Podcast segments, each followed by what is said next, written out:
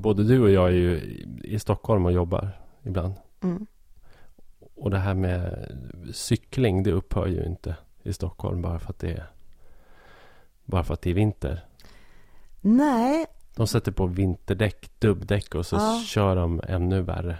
Med ja. sina lyckra overaller. ja, men vi pratade ju om det här i förra avsnittet och då fick vi, var det faktiskt en, en lyssnare som påpekade att man cyklar visst i Norrland på vintern. Mm.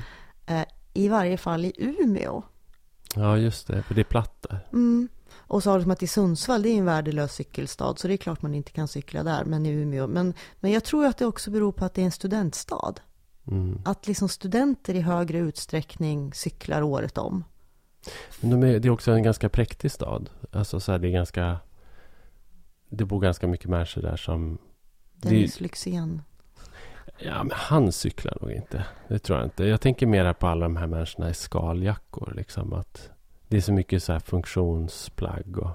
Aha, fast då tän- en- sånt får mig mer att tänka på liksom skotrar och eh, skidor Ja, liksom, än, än vintercykling. Ja. Men vi kan i alla fall konstatera att folk cyklar på vintern också i vissa delar av Norrland.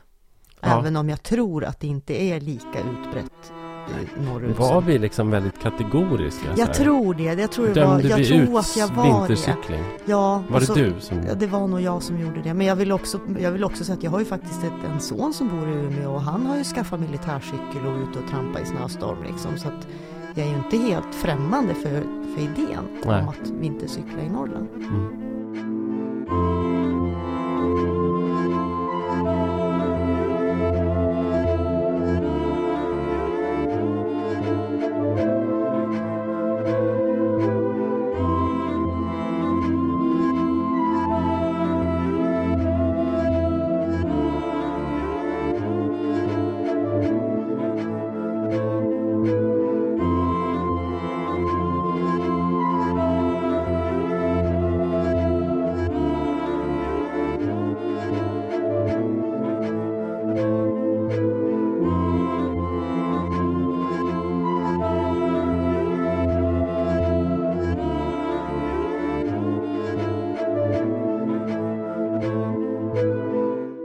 Tillbaka igen med eh, ett nytt eh, avsnitt av eh, näst sista för året.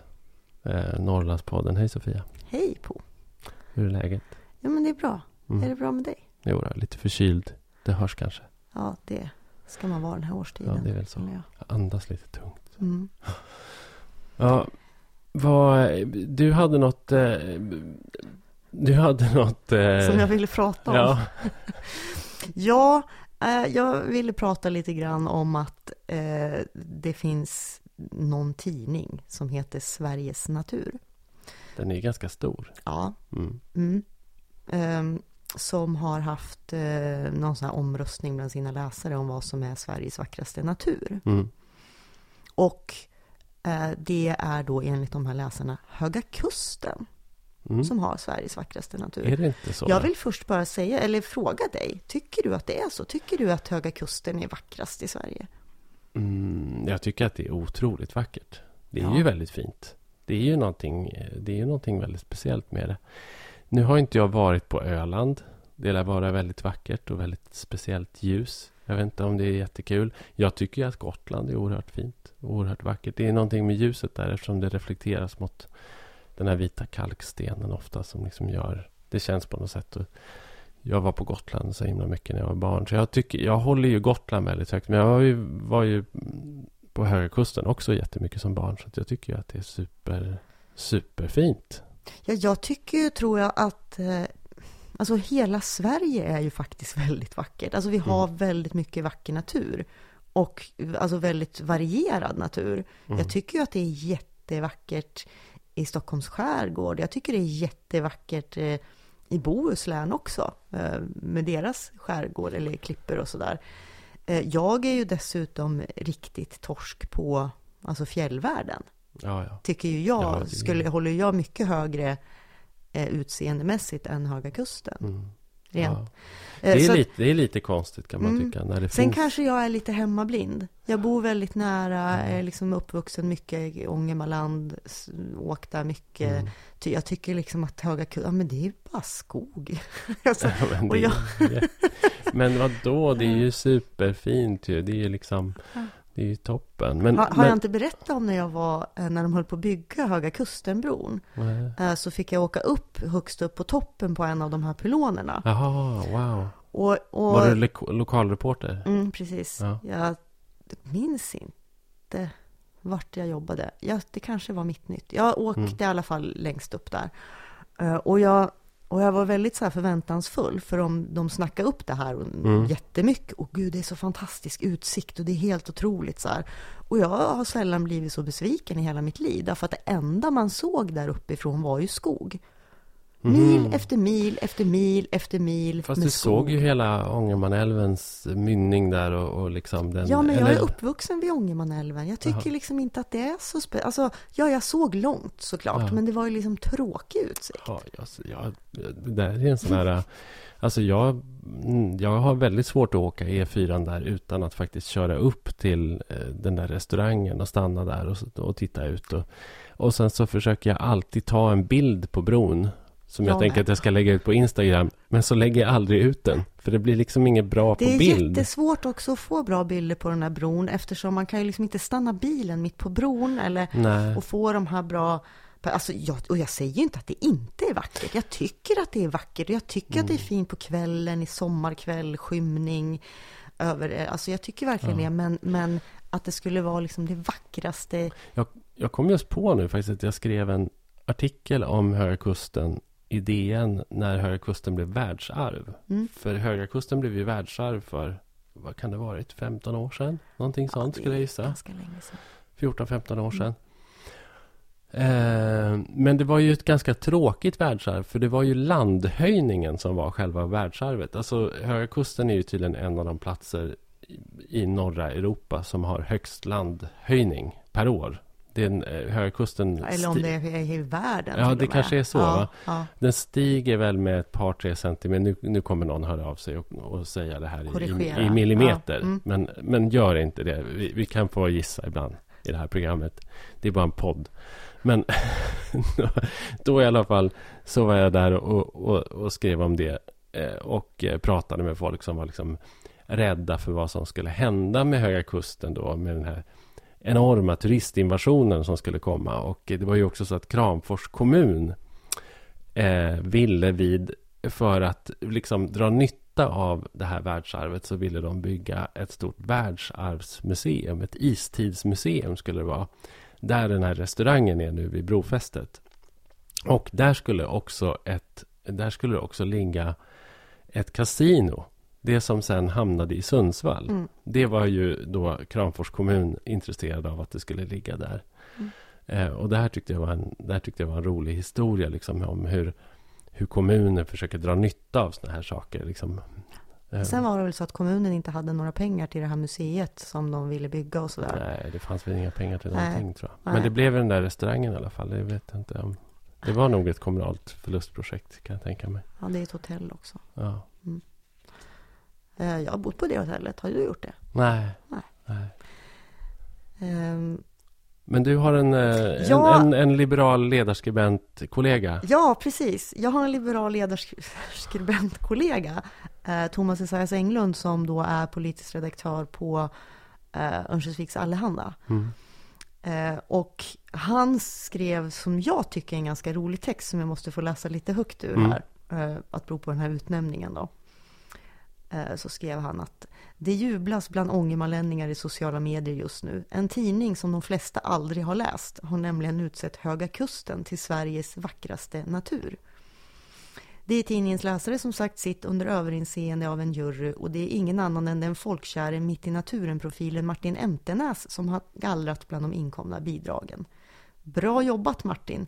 Ortens turistföretagare är mycket nöjda.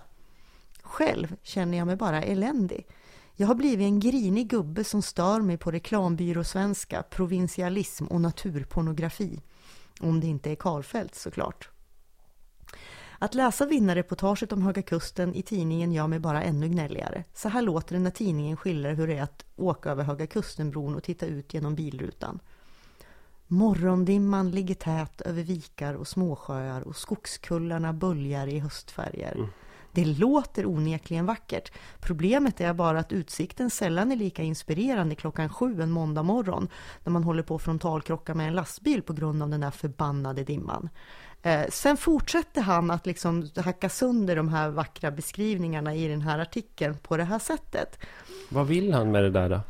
Hur tolkar du det? Ja... Han vill säga att naturen är överskattad. Jag kan ju om, säga om man, om man hur han avslutar. Jag kan ju läsa ja. hur han avslutar. Eh, problemet med att läsa om Höga Kusten är att det aldrig är mitt Höga Kusten som skildras. Tävlingar som Sveriges vackraste natur och sådana här naturreportage säger mycket om samtiden. Att allt ska vara så fruktansvärt tillrättalagt, fjäskigt och präktigt. Naturromantiken tar ut den mänskliga aspekten ur hela ekvationen. Det vackraste med Höga Kusten är givetvis människorna som bor här, inte någon överskattad världsarvsmossa eller blåbärsblå spillning med klarröda osmälta lingon från mård eller räv eller kanske något helt annat. Höga Kusten behöver inte fler fina priser utan trovärdiga berättelser. Mm.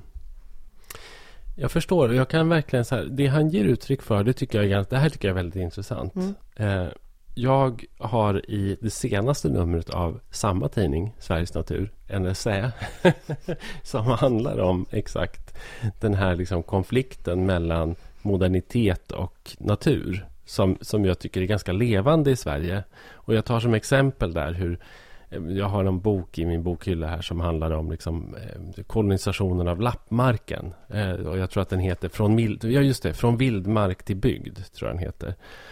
Eh, och, det, och det är ju på något sätt det svenska, det är ju det svenska projektet. Att vi koloniserade vildmarken. Vi gjorde, vi, vi lever i, i, liksom, i den vilda Norden och här är det skog och älvar och det är höga berg och vi eh, gav oss ut i denna natur och vi tämjde den och vi gjorde om naturresurserna till, till liksom ekonomiska resurser. Eh, och nu lever vi med, med eh, den diskursen är väldigt stark i Sverige skulle jag säga.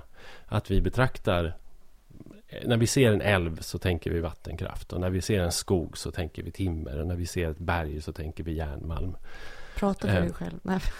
ja, men, men och sen så kommer då någon sån här mupp eh, som Martin Emtenäs och, och liksom vill lyfta naturvärdena. Och då reagerar då eh, din eh, liberala ledarskribentkollega som i egenskap av lokalbefolkning och säger att nej men det är inte det som är värdet här det är värdigt för den som kommer utifrån. Men för oss som bor här så är värdet mm. ett annat. Här finns det andra värden. Och det här är en väldigt, väldigt vanlig konflikt ju. Mm. Mellan... Ja, men för det här värdet som han beskriver, det är inte det här som är värdet, säger han. Nej. Men samtidigt genererar det ju värde ja, om människor exakt. vill komma och titta på det utifrån den här romantiserade bilden. Ja. Jag menar, jag är ju en sån person som gör mina små roadtrips varenda sommar mm. och åker norrut och älskar liksom och, och, och, och faktiskt Höga Kusten, bese varje år och sådär. Ja.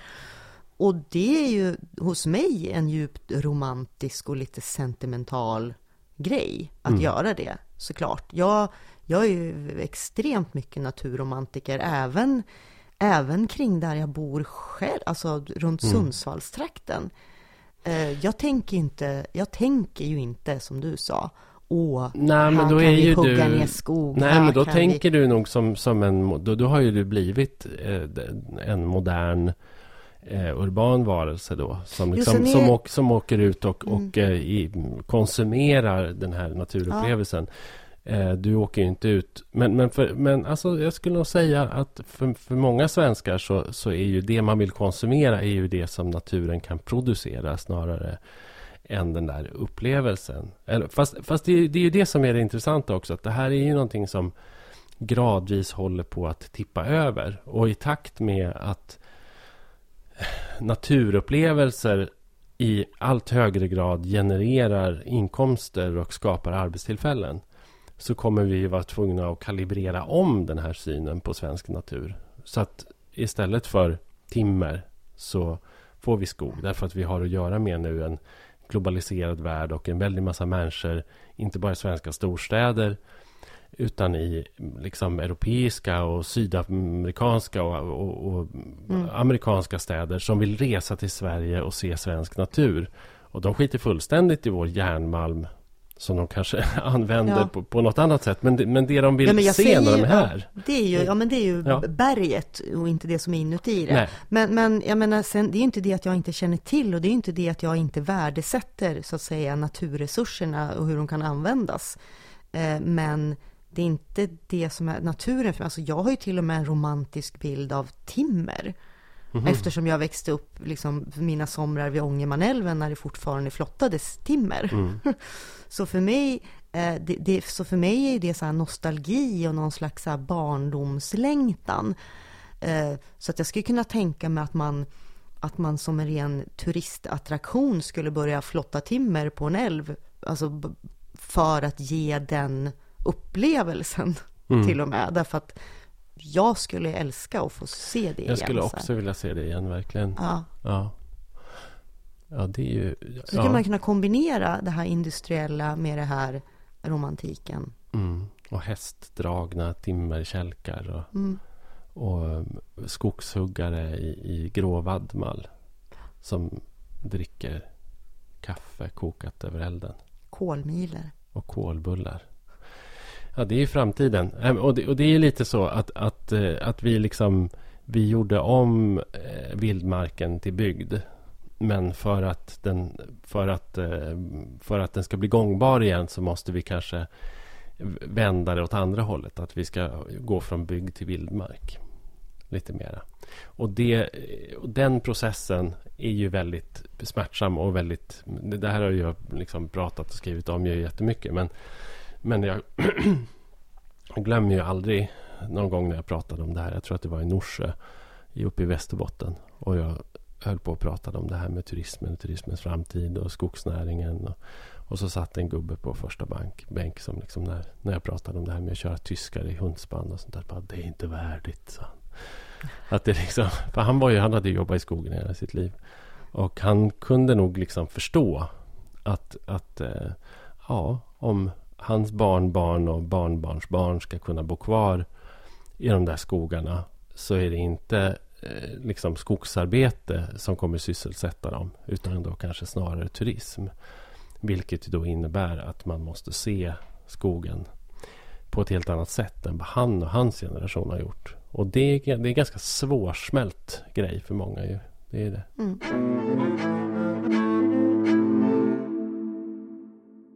Vi har ju eh, jättefina och gulliga lyssnare till det här programmet. Varav ganska många nu har börjat teckna upp sig för att sponsra oss. Mm. Eh, men inte alla. Så hur gör man på? Det är ju superlätt ju. Det var, någon som, det var faktiskt någon som skickade någon så här direktmeddelande till mig på Instagram. Bara så här, jag litar inte på internet. Jag vill inte så här, kan jag swisha pengar till dig istället? Men det, det blir så rörigt bokföringsmässigt. Vi har ju ett, eh, eh, vi har ett produktionsbolag som, som eh, håller i podden som heter Teg Publishing. Och de har satt upp det här eh, Patreon-kontot. Man går in på patreon.com snedstreck Norrlandspodden. Och där kan man eh, bli eh, donator då till, till Norrlandspodden. Då bestämmer man en summa som man vill ge per avsnitt. Och varje gång vi lägger ut ett avsnitt så dras den där summan då från det konto som man angett eller kort som man angett. Och det är helt frivilligt eh, hur mycket och hur länge man vill sponsra podden. Nu har vi gjort ganska många avsnitt just den här säsongen. Mm. Det är en vi del fick, som har varit lite oroliga för det. Ja, men, men... Vi fick feeling. Mm. Ja. Mm. ja, men vi har ju haft så pass långt uppehåll. Ja. Mm. Um... Men det är ungefär så det går till. Ja. Det är inte krångligare än så. Jag har inte gjort det själv, för jag har inte, jag har inte skänkt pengar till min egen podd. Det kändes Nej. lite avigt. Men, och jag har inte gjort det till någon annan podd heller. Det borde jag kanske göra. Ja, det tycker jag. Ja. ja. Men, det, men... men det, är en, det är en bra grej. Men man kan få en premie också, tror jag. Om man, om man, men det är om man skänker tror, minst 100 kronor per avsnitt. Ja, 10 dollar va? Man skänker i dollar. Ja, ja men precis. Det, det är dollar. Mm. Då, får man, då får man din bok. Mm. Mm. Var en sån som... Mm.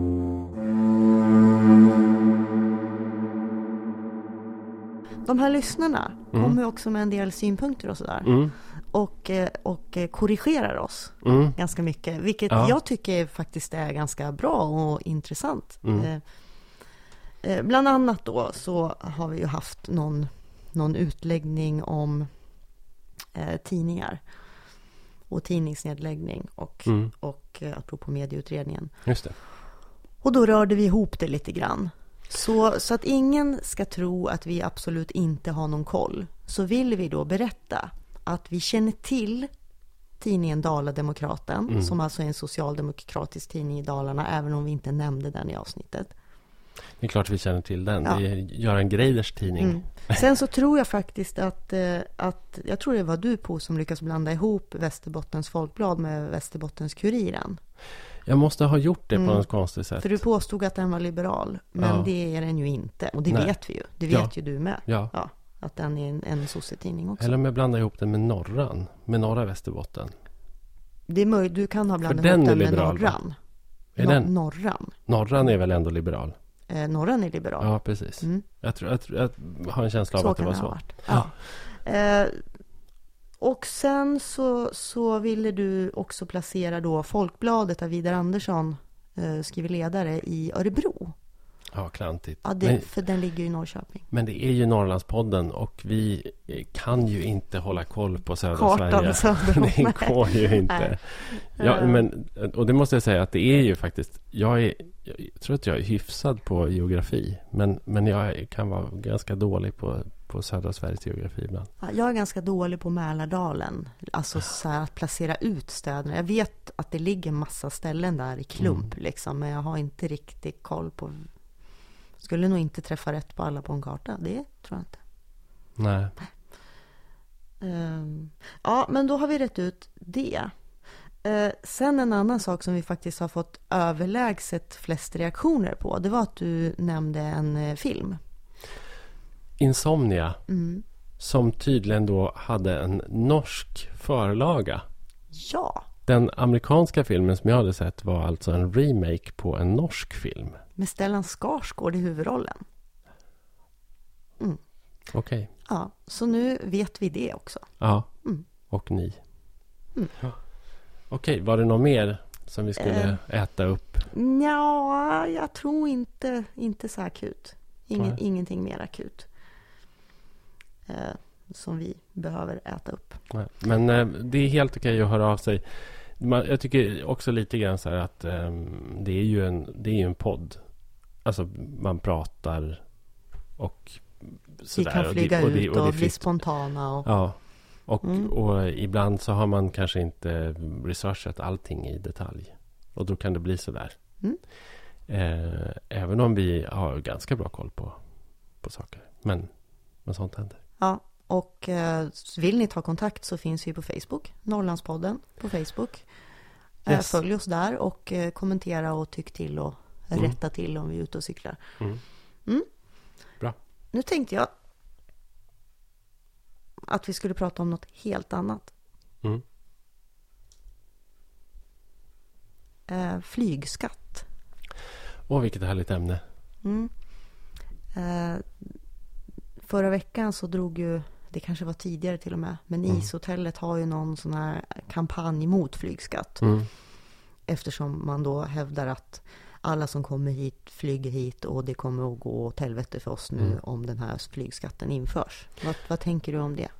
Ja, det finns ju en uppenbar ironisk poäng att plocka på det där. Och det är ju att... Att ishotellet är beroende av is som håller på att smälter på grund Ja. av flyget. Ja. Fast de håller ju på att säkra, liksom, de håller ju på att försäkra sig om att klara sig ändå. De bygger ju stora liksom, hallar eh, där de ska kunna liksom, de förvarar isen i, i stora kylhangarer. och Håller de på att bygga fler alltså? Jag tror det. Aha. Jag tror det. Har jag hört det? Ja, sen är det ju faktiskt så här att i kombination med växthuseffekten då som smälter isen så håller ju Golfströmmen på, på liksom dö och sådär. Så att det finns ju faktiskt rent potentiellt en risk att det till och med blir kallare här Ja, det är den här eh, uppe Day after tomorrow eh, b- Precis, i princip. princip. eh, Det finns idén. ett sånt scenario. Att Ja. att, ja på temperaturen det? höjs på jorden och vattennivåerna Ja. kommer att stiga. Men, men precis här i Norden som som har levt på Golfströmmen så att säga kommer att kunna bli mycket, mycket kallare trots detta. Jag vet inte om det är något att hoppas på som lösning riktigt. Jag, jag sa inte att jag Nej. hoppades på det som en lösning. Jag ville bara påpeka att man ska liksom kanske skratta bäst som skrattar sist ja. åt ishotellet i den här frågan. Mm. Vad jag, vad jag, vad jag, alltså det, det, var ju, det var ju många som, som delade den där mm. annonsen och skrattade gott åt det där. Ja. Eh, nu finns det väl liksom en annan sak som man kan kanske ifrågasätta och det är ju huruvida den här relativt modesta summan som det ändå handlar om verkligen avskräcker en turist som, som eh, flyger hela vägen Det kan jag svara på direkt. Ja. Nej. Nej. Nej, för att det är 80 kronor per inrikesresa. Ja. Och en, eh, en flygbiljett från Stockholm till Kiruna, vad kostar den? 2000? Ja, det, det är nog ja, olika liksom, liksom, beroende på flygbolag och ja, vilken tid men, man flyger. Och men det är ju inte, det, det är ju inte billigt. Dyrt. Det är inte billigt idag att flyga till Kiruna. och den som har råd att köpa en, en flygbiljett till Kiruna har råd med de här 80 kronorna extra. Den som har råd att bo på, på ishotellet och besöka ja. ishotellet som också är en ganska liksom, kostsam eh, övernattning. Eh, det är ganska lyxigt. Ja. Eh, även om man bor i en kall iglo. Men det, man får betala ganska ordentligt. Lyxigt, man får betala. Det är liksom en exklusiv upplevelse. Då tror jag att man har råd. Och jag tror också kanske att de som gör en sån sak. Eh, för det här är ändå att betrakta som någon typ av naturturism och sådär. Där man besöker ett avlägset turistmål. Som på något sätt också så här eh, hämtar sin autenticitet och sin laddning från att mm, någon slags naturlighet och det är ett naturligt element i isen och så här. Jag kan tänka mig att, att man nästan tycker att det är ganska schysst att betala för det. Mm. Och att eh, vdn för ishotellet kanske lite grann blev ett verktyg för den här lobbyn. Eh, Ja. Jag skulle nog tänka efter ett varv till om jag var den vdn. Om, om det här verkligen var en bra sak att låna sig till. Om det verkligen gynnar ishotellet? Om det gynnar mm. ishotellets varumärke att slå sig ihop med flyglobbyn. Och liksom Eh, se till att flyget har, får fortsätta ha de här unika privilegierna som flyget har. Där man inte, alltså flyget är ju idag det enda transportslaget vad jag vet som inte står för sina egna kostnader miljömässigt. Alltså mm. det är ganska stora pålagor på vägtransporter och privatbilism och på tåg och på massa. Ja absolut. Flyget men, men, är definitivt men flyget betalar befriat inte... och knappt någon moms och alltså det är verkligen eh, på det sättet. Och sen, sen, kan man ju då i och för sig handla med sådana utsläppsrätter eh, som ju är dyrare än den här tänkta flygskatten. Mm. Men det är ju också någonstans ett nollsummespel. Och det finns ju då jag har ju skrivit om det här och jag har ju då skrivit att jag är försiktigt för flygskatt. Och vad eh, händer då? Och det är ju inte för att jag, alltså jag är ju inte för massa höjda skatter och avgifter och sådär. Och det finns ju då relevanta argument som handlar om att man så att säga ökar klyftorna i samhället. Att ja men är det bara de rika som ska ha råd att förstöra miljön eller liksom, eh, ska man vara rik?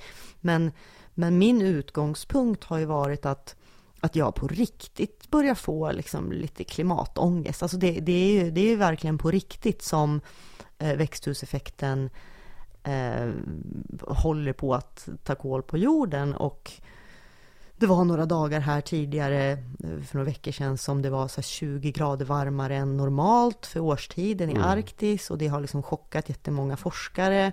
Och eh, det börjar bli såna här olika effekter som påverkar varann på ett sätt mm. som forskarna inte har kunnat förutse. Så att, så att det är ju, det, det är ju liksom akut kris.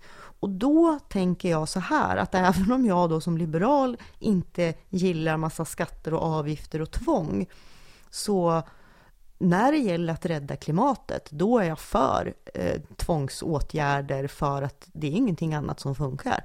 Du måste ju tvinga människor att lägga om livsstil. Eh, och vad jag då är skeptisk till när det gäller den här flygskatten, det är faktiskt den låga summan. Mm. Eh, för det är 80 kronor för en inrikesresa, det är tror jag 430 för en lång ut, utrikesresa. Och det kommer ju ett inte att minska flygning, så folk kommer inte att flyga mindre. Eh, möjligen så här marginellt att en trebarnsfamilj åker till Thailand vart tredje år istället för vartannat eller alltså sådär om det blir några tusen dyrare. Men det är så otroligt marginellt. Så nej, det kommer inte att minska flygningen. Och eftersom det är en skatt och inte en avgift så innebär det att det blir som en skattepengar som kommer in i den stora skattkistan som kan användas till vad som helst. Jag hade kanske föredragit en, en öronmärkt avgift som skulle gå till till exempel då eh, järnvägen. Ja, eh, ja men alltså för att, att, att satsa alltså på typ miljö. Alltså ja, en, skatt, en, skatteväxling av något slag? Ja men en, precis, precis. Ja. Eh, för nu känns det som att nu, nu är det lite luddigt vad de här mm. pengarna egentligen ska användas till. Det är väl inte det som är huvudsaken. Huvudsaken är väl då att man, att man på något sätt vill ta ett första steg liksom mot att flyget ska stå för sina egna kostnader ja. i högre grad. Och, och, då är ju summan ja, för och det är, så, och det, och det är, är svårt ju, att säga emot. Summan är väldigt liten. Den är så är liten in... så ingen kan klaga på den egentligen. Nej, så den, då är den ju ganska poänglös. Ja, ja. Men, men, men, som princip är jag för den. Sen, mm. sen kan man ju ändå och bör ju ändå föra den här diskussionen som ishotellet ändå är inblandad i. Mm. Och som många andra också argumenterar eh, för, nämligen Går det att rädda klimatet utan att utarma glesbygden? Nej, det där är ju... Det här är ju verkligen 10 000 kronors frågan kan jag känna. För, för, för jag har ju verkligen all, alltså, jag har all respekt för människor i glesbygd som är beroende av flyg för det finns mm. ingen järnväg. Eller beroende av bil för det finns ingen kollektivtrafik. Ja, ja det är ju... Herregud. Det finns ju ett sånt där något, eh, alltså det, det har pratats om att det ska läggas ett förslag på en, en kilometerskatt för, för tunga transporter. Ja. Som inte har lagt fram. Men redan innan det har lagt fram så har ju de som är motståndare till det bestämt sig för att det är en jättehög skatt och den kommer slå ut hela skogsnäringen. Och, mm. eh, fast den inte ens har nämnts några summor. Nej, men det är samma med flygskatten. Det var så det lät innan att några liksom summor är, hade och nämnts. Det, och det, mm. och så är det ju varje gång det är en bensin eller dieselskattehöjning också. Så är det här liksom, då slår man på stora trumman. Sen märker man ju liksom att de naturliga prisfluktuationer som sker till exempel på bränslen. De har ju ett extremt litet genomslag i människors beteenden. Ja. Och, och de verkar, folk verkar ta den kostnaden. Jag menar, om, nu har ju liksom OPEC haft eh, väldigt låga oljepriser här under några år för att konkurrera med USAs framställning av, av liksom frackingolja och, eh, eh, och det har varit låga priser. Eh, men det var ju inte länge sedan det kostade två kronor mer per liter att tanka diesel och bensin till exempel. Det var några år sedan. Liksom. Och det är inte så himla stor skillnad. För folk bryr sig inte jättemycket om det. Men när, när det är en skattehöjning så blir det helt plötsligt... Då, då är det här symbol det här symbolvärdet som är jätteviktigt. Och jag kan ju också känna att, att det är orättvist. Därför att de man vill komma åt med den här skatten. Det, det kom ju också en ny undersökning här om veckan som visade att att det skulle behövas fyra och ett halvt jordklot eh, om alla betedde sig som svenskar. Alltså vi är ju jätte... Vi, våra, våra ekologiska fotavtryck är väldigt stora och väldigt, en väldigt stor del av det är ju att vi har hyfsat bra privatekonomi i Sverige och därför reser väldigt mycket till Thailand och till andra destinationer och det, och det kostar på miljön helt enkelt. Och, och det är ju på något sätt det medelklassbeteendet som man vill komma åt med den här typen av skatter egentligen. Eh, men de som kanske blir hårdast drabbade av det är ju de som faktiskt behöver de här transporterna mest. Och det, det, tycker, det tycker jag är, det är svårt. Liksom. Det, det bör man ju liksom på något sätt ta hänsyn till. Men jag tycker också att man kan vara lite pragmatisk. Eh, eller jag tycker att man bör vara det. Eftersom eh, när det gäller då utsläpp, eh, vare sig vi pratar utsläpp från från eh, bilar och lastbilar eh, eller flyg så, så är det ju så att skogsbruk mm. suger ju upp koldioxid. Mm, det här, eh, den här diskussionen tänker jag, nu mm. känner jag lite så här. Eh, det här finns det verkligen olika Olika skolor. Olika mm. skolor. det här... Om vi, Men det beror på hur, men det, men det finns så många om och men såklart. Hur brukar man skogen? Hur växer den? Hur snabbt hugger man ner den? Vad använder man den till? Ja, ehm, det, det, jag, jag tror ju inte alls på den där... Du tror inte på det överhuvudtaget? Alltså jag tror ju, alltså det finns, det, det här är ju, det här är ju ganska avancerad, eh, alltså det här är ju ganska avancerade teorier som ja. handlar om kolkällor och kolsänkor. Mm. Eh, och i, i vilket skede skogen tar upp och i vilket den släpper ifrån och om marken släpper ifrån kol när man har då behandlat den ja. till exempel eller kört över den. Eh, och i vilket skede det här avverkade timret då släpper ifrån sig sitt kol och vad, man använder det avverkade timret mm. till om man eldar upp det, om man gör biobränslen, om man bygger hus. Om man, ja, om liksom, du eldar upp det så, så, så, spelar det så, ingen roll. Så, så det, där, det där är en, en jättekomplicerad sak och som, och som eh, skogsindustrin försöker förenkla eh, jättemycket. Och, och det här har ju liksom spritt sig. Jag skulle nog säga att första gången jag stötte på det så kände jag oj, eh, vad dumt. Eh, och sen så har det nästan blivit som en sanning. Och jag har till och med hört Sven-Erik Bukt upprepa det här som om det vore liksom en fullkomlig självklarhet. Att ett extensivt kalhyggesbruk är det bästa för miljön. Därför att om man hugger ner skog och återplanterar och den växer upp så binder den uppväxande skogen kol och därför så är det jättebra ju mer man hugger ner. Det är nästan... Ja, för så, så enkelt så är det ju inte. Och det är inte det, nej, men det är vulgärargumentet ja, är ju att man ska i princip ge sig ut. Alltså det, och det här finns det ju företrädare för skogsindustrin. Att, att det till och med är miljöfarligt att ha naturreservat. Därför att all skog som, som inte huggs ner och tillåts växa upp igen är då en... en koldioxidutsläppare istället. Ja, ja. Eller, eller liksom så här, där missar vi en potential att binda kol. Och, och så är det ju givetvis inte. Nej. Det funkar inte på det sättet. Själv, nej, och jag har ju nu inte heller hävdat, hävdat den teorin. Jag blir bara, jag blir dit, bara rädd. Jag vill, dit jag ville komma. Och, och det, det, det, kan vi, vi kan ta bort hela den här trädediskussionen då. Det är ändå att när det gäller flygtrafik till mm. exempel, mm. så är det en sån liten del av all inrikestrafik som går till Norrland. Alltså pratar om alla flygplatser i Norrland. Ja. Det är så pass få, tror jag är några få procent av alla flighter i hela, inrikesflighter i hela Sverige mm. som går norrut. Och de få procenten skulle man kunna ge en skatterabatt eller någonting. Mm. Om, det, om man nu tror att det skulle vara ett så stort problem, vilket mm. jag inte tror. Men Nej. rent principiellt så tycker jag att man kan göra det. Jag tycker att man kan beskatta eh, jag tycker att man skulle kunna eh, beskatta lite selektivt, alltså vissa linjer istället. Alltså att eh, om man tar till exempel Stockholm, Göteborg och Stockholm, Malmö, oavsett om man flyger från Arlanda eller Bromma, så finns det i princip fullvärdiga alternativ i form av tåg och som dessutom är konkurrensutsatt och där du har flera operatörer och företag som kör på de sträckorna till exempel. Där skulle man kunna ha högre skatt. Därför där pågår det ju faktiskt en hel del okynnesflygande, måste man säga då.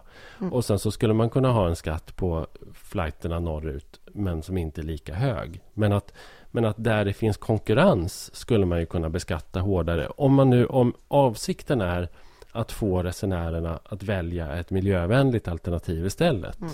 Men då är ju problemet att till vissa ställen så finns ju inte det här miljövänliga alternativet. Nej, och då behöver man inte lägga på någonting där då? Nej. Nej. Och, och, och, och det, då har det, vi löst det här. Ja, löst och löst. För det är väl det här som, och det här har vi väl pratat om förut, men det här otroligt usla sättet eh, som vi har hanterat järnvägen. Ja, ja. Eh, men, men, vi kanske inte ska snöa in på det. Eh, Nej, men det, jag, jag pratade, borde, med, jag pratade med Sven-Erik Bukt för övrigt då om, om eh, flygskatten och sådär. Och han sa ju då till mig i alla fall att han är öppen för, för att befria vissa Norrlandskommuner från flygskatten. Mm. Till exempel Kiruna. Och han sa också, enligt honom då, så i, i Storbritannien, England har man flygskatt och där har man sådana rabatter. Det är klart det går. Jag tror överhuvudtaget att, att det har funnits ett, det här är min upplevelse. Det har funnits under ett antal år ett väldigt, väldigt starkt motstånd mot att ha olika politik och olika regelverk för olika delar av landet. Och det känns lite grann som att det kanske håller på att luckras upp. Alltså det har, det har att göra med den här Men det måste liksom- ju också ha att göra med en ökad förståelse. Alltså att det finns Ja. en ökad medvetenhet hos storstadsbor om villkoren på landsbygden. Kanske inte jättemycket, men lite grann. Eller politiker då? Jo, men även om det är politiker, för att pol- alltså politiker eh, vill ju ändå inte bli liksom illa omtyckta. Och om alla medborgare skulle komma och säga Åh, varför får de rabatt och inte vi och göra en jätte, jättegrej av det så skulle det bli svårt att genomföra. Mm. Det är det jag menar att ändå Ja. det finns en ökad medvetenhet om villkoren i glesbygd kanske. Mm. Har, du, har du satt dig in i det här med kilometerskatt för tunga transporter och sånt där? Eller? Eh, inte, inte i detalj, nej. För det kan verkar ju vara som ett säga. rött, rött skynke för, för så många.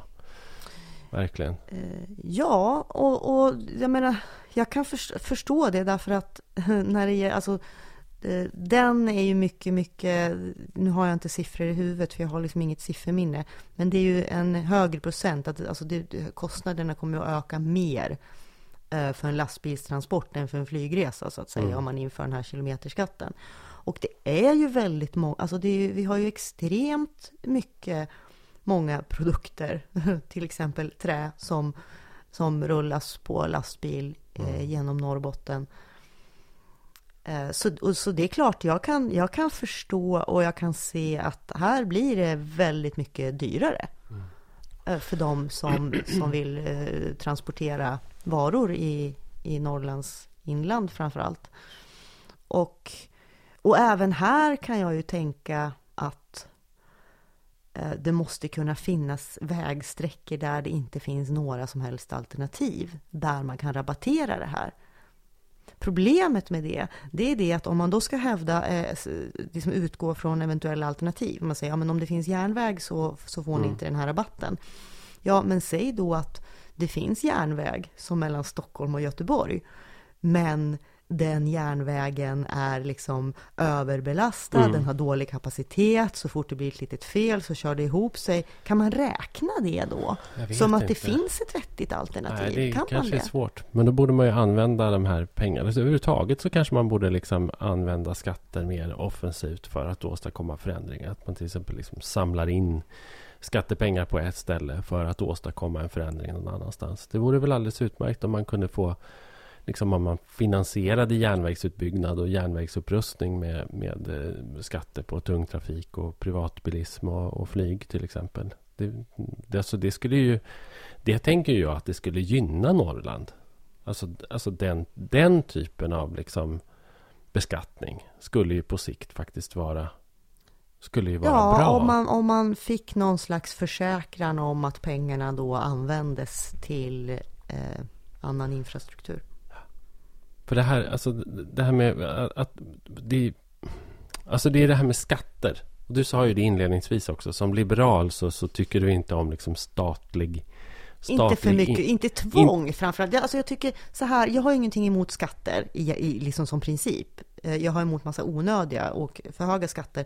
Men jag har ju ett större problem med när politiken försöker tvinga människor eh, till, till att ändra sina beteenden. Alltså det är det Fast det är som, som liber- liberalismen på något sätt inte Fast det är ju precis gillar. det jag pratade om nu. Att jag, sk- att jag skulle vilja se mer av en sån politik. Jo men det är ju det jag säger också när det Ja. gäller klimatet. Jag säger Ja. det, att, att här, för här tycker jag att här måste vi ändå hålla vad spelar det för roll om vi lever i en fri och liberal värld där varje människa är herre över sitt eget liv om, om vi inte har någon jord att leva på liksom. Då, då, då måste man ju kunna släppa på, Mm.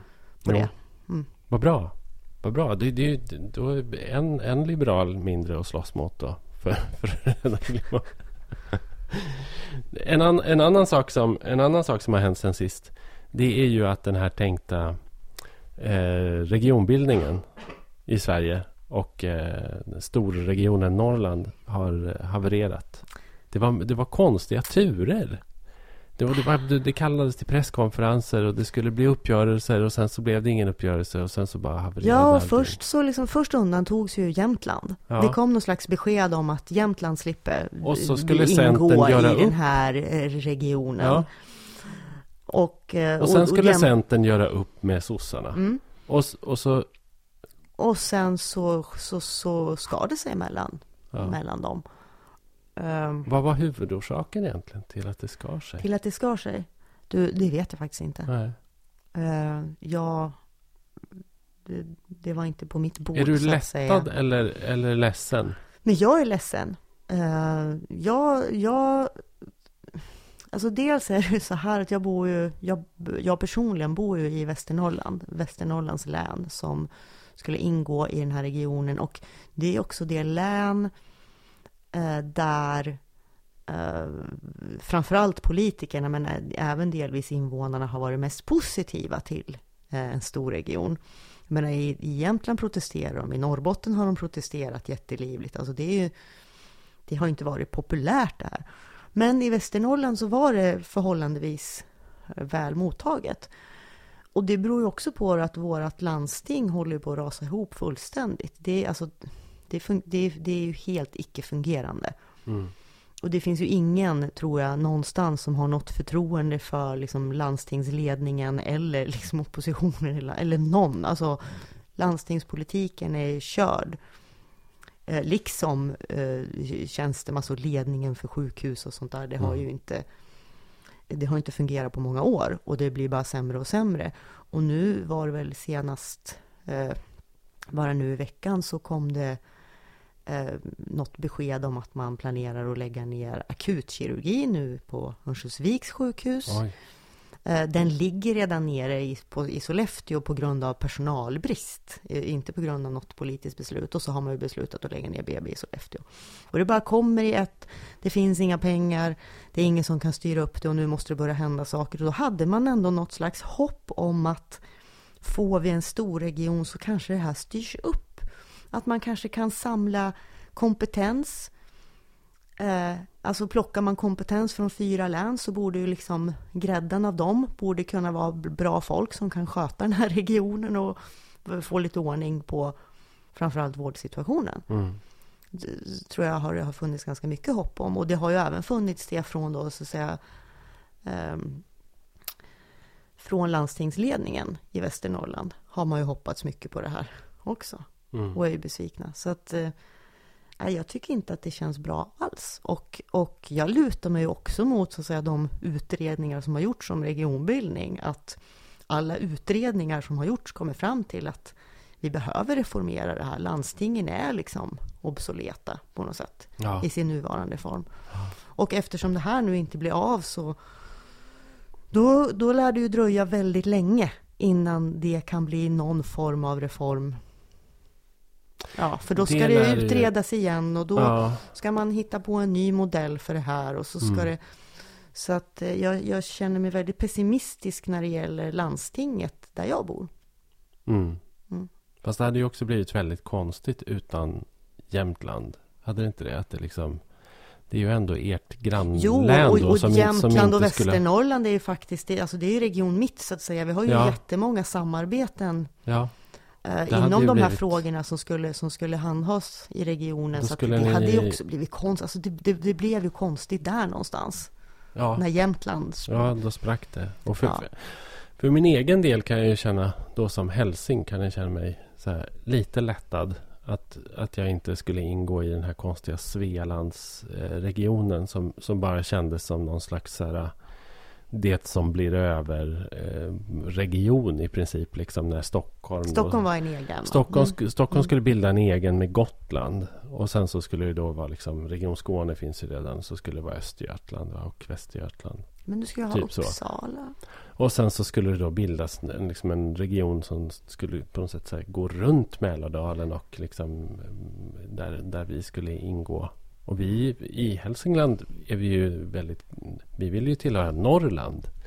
Nej, Vi vill ju inte tillhöra Svealand. det vill ni ju inte. Nej, Jo, i Hälsingland. Vill ni det? Ja, ja, alltså absolut. På politiker och sådär. Ja, men alltså det skulle jag nog säga. Det gjordes faktiskt en enkät om det. Gävleborg tycker jag är väldigt söderutinriktade och vill hellre tillhöra Mälardalsregionen. Men det är ju Gästrikland. Jo, fast det- Gränsen går ju däremellan. Och då är det så här att det har faktiskt gjorts eh, enkäter och undersökningar om det här. Och hälsingarna, de ser sig själva som norrlänningarna. så, ja. Men gästrikarna, de ser sig själva som, som liksom sydsvenska. De vill hellre tillhöra Mälardalen.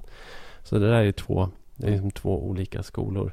Men jag kan väl också känna att, att det är synd. Jag tycker ju att det fanns en potential i eh, att man skapade så stora strukturer så att man skulle vara tvungen att decentralisera dem på ett annat sätt än vad, än vad de här regionerna, de, de, de nuvarande regionerna går att decentralisera. Därför att dess, den, ja, de här regionerna är liksom de är för stora för att vara decentraliserade men för små för att kunna decentralisera på ett vettigt sätt om du förstår vad jag menar.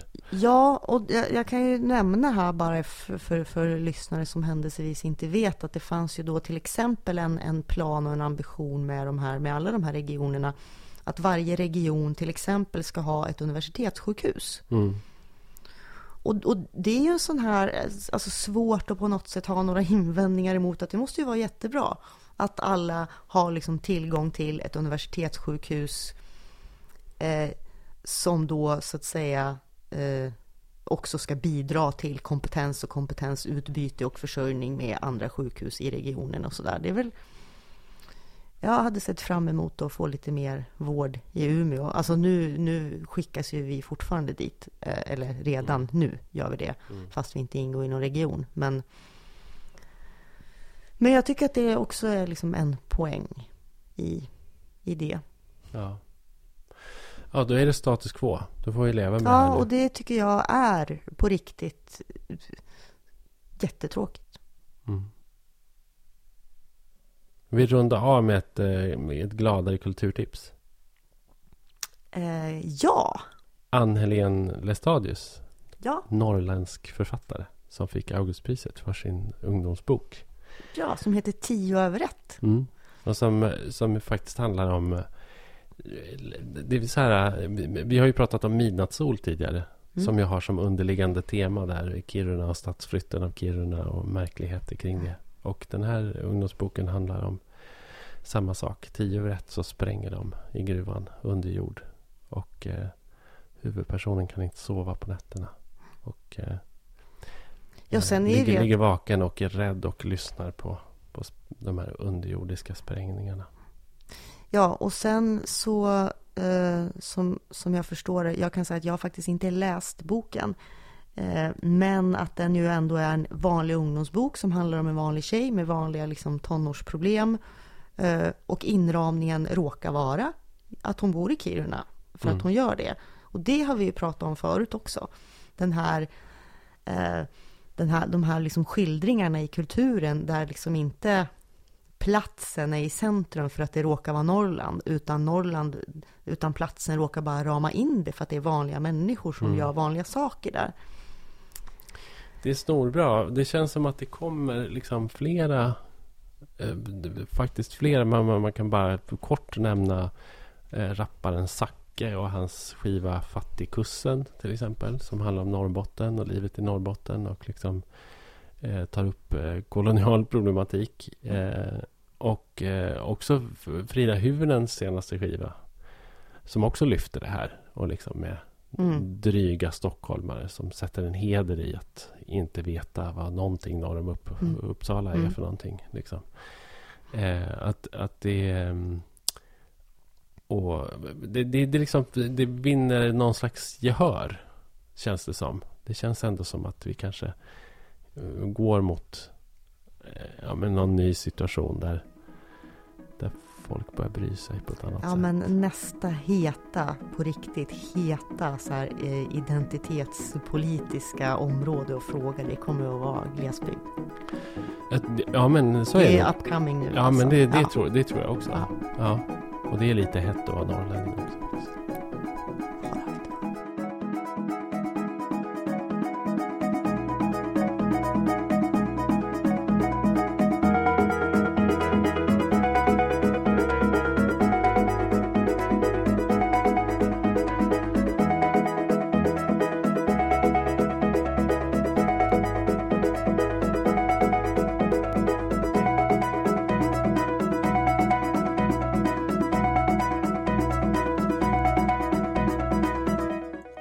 Norrlandspodden är en produktion från Teg Publishing.